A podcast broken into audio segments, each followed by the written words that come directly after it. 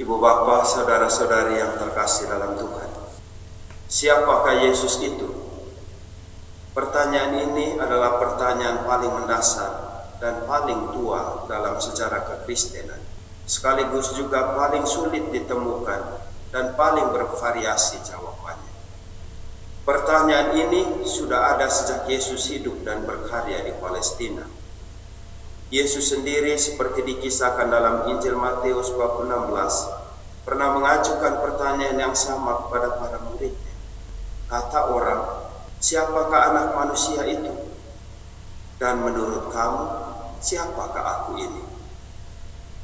Walaupun Petrus sudah dengan jelas menyatakan bahwa engkau adalah Mesias anak Allah yang hidup, pertanyaan itu masih terus diselidiki dan menjadi bahan penelitian sampai sekarang.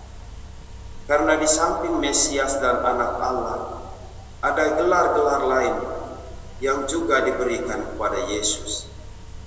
Seperti Rabi, Nabi, dan hamba Allah. Belum lagi kalau kita menambahkan gelar atau sebutan yang Yesus sendiri pakai untuk menyatakan diri. Dalam Injil Yohanes, Paling kurang ada tujuh sebutan yang dipakai Yesus untuk menyebut dirinya sendiri. Aku adalah terang dunia. Aku adalah gembala yang baik. Aku adalah pintu. Aku adalah jalan, kebenaran, dan hidup. Aku adalah roti hidup. Aku adalah kebangkitan dan hidup. Dan aku adalah pokok anggur.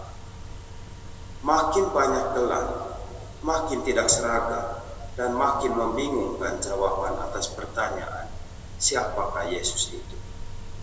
Para teolog-teolog Kristen dan ahli-ahli kitab suci dari masa ke masa akhirnya harus sibuk menjelaskan arti dan malah menambah deretan gelar baru lagi bagi Yesus. Sebut saja pada zaman pencerahan, Yesus disebut sebagai guru besar pemikiran logis dan moral atau sebagai pemandu ulung perpaduan suasana hati dan perasaan pada zaman romantik. Pada tahun 1960-an, para mahasiswa menyebutnya sebagai revolusioner sejati ala Sekufan. Dan dalam bidang psikologi, ia malah dijuluki sebagai prototipe manusia dengan kehidupan psikologis yang paling sempurna. Atau psikoterapi sejati yang bisa menyembuhkan segala bentuk dan Tiap tahun ada saja gelar baru tentang Yesus.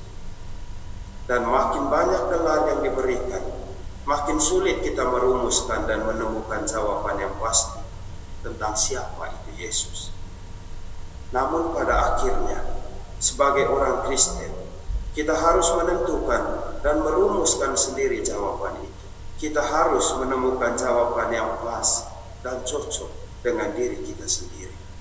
Dan itu menjadi mungkin kalau kita tidak perlu lagi mengajukan pertanyaan yang berbunyi, siapakah Yesus itu? Terlalu banyak tawaran jawaban untuk itu. Dan itu lebih banyak berurusan dengan selera dan orientasi pengetahuan dan keilmuan kita. Jauh lebih membantu kalau kita seperti orang banyak dalam bacaan Injil hari ini bertanya kepada Yesus, "Siapakah Engkau?" Ya, inilah pertanyaan yang harus kita ajukan dari hari ke hari pada Yesus. Karena Yesus itu hidup. Yesus bukan tokoh historis yang harus kita pelajari. Dia adalah sabda Allah yang menjadi manusia dan tinggal di antara kita. Ia sungguh ada dan hidup bersama kita saat ini. Kita bisa bercakap-cakap dengannya, berdoa, dan bertanya langsung kepadanya, siapakah engkau? Iman pada hakikatnya bukanlah kumpulan pernyataan-pernyataan tentang Yesus. Iman adalah sebuah relasi, hubungan timbal balik, peristiwa komunikasi. Bangunlah relasi yang baik dengan Yesus dan jangan pernah malu untuk itu. Minggu ini kita sudah masuk minggu sengsara. Lima hari lagi minggu palma. Kita masih seperti dua minggu lalu masih tetap tinggal di rumah kita masing-masing agar tidak bosan. Mungkin baik kalau hari-hari ini kita pakai untuk secara langsung bertanya kepada Yesus, siapakah engkau? Mudah-mudahan Yesus akan menjawab kita, aku adalah milikmu dan kamu adalah milikku, milikku seutuhnya. Mari datang kepada Yesus dan bercakap-cakaplah dengan dia.